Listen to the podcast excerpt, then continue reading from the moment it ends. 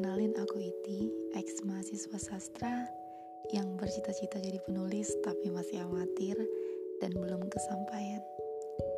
Yang hanya bisa menuliskan isi kepala di atas kertas kemudian menyuarakannya dalam podcast mengenai cinta, hidup, kehilangan dan apa pun yang menggelisahkan kepala yang bisa kita sebut bittersweet story.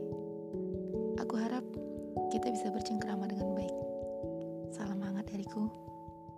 Itu Jonas.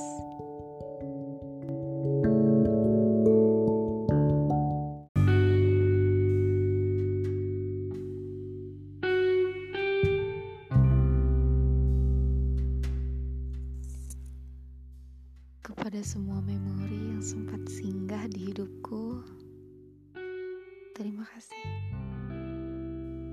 Terima kasih sudah memberikan aku makna menjadi dewasa.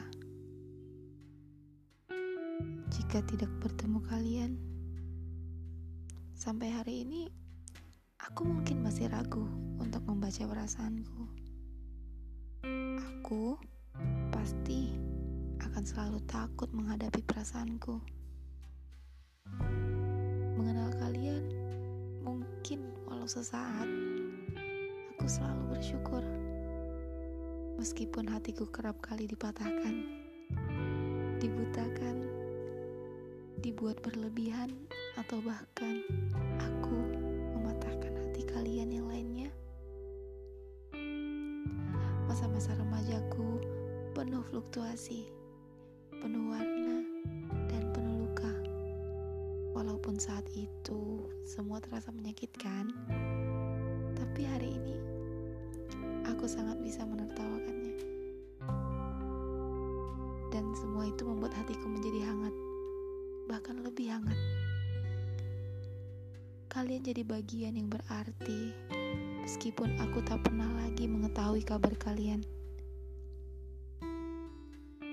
Percayalah, aku tak pernah lupa nama kalian, panggilan kalian,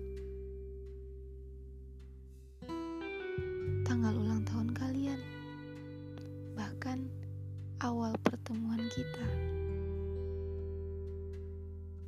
Kalian sudah aku simpan dalam memori yang berbeda.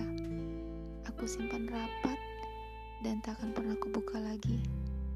Tapi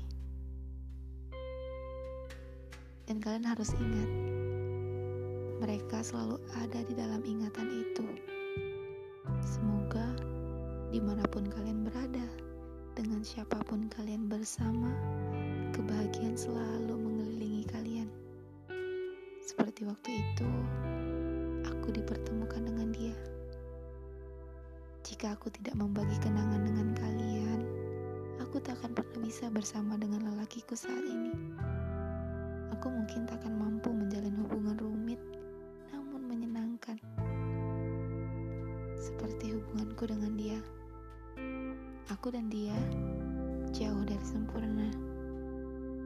Tapi kami selalu mencari kebahagiaan itu dan membuat kebahagiaan itu. Semoga kalian bahagia.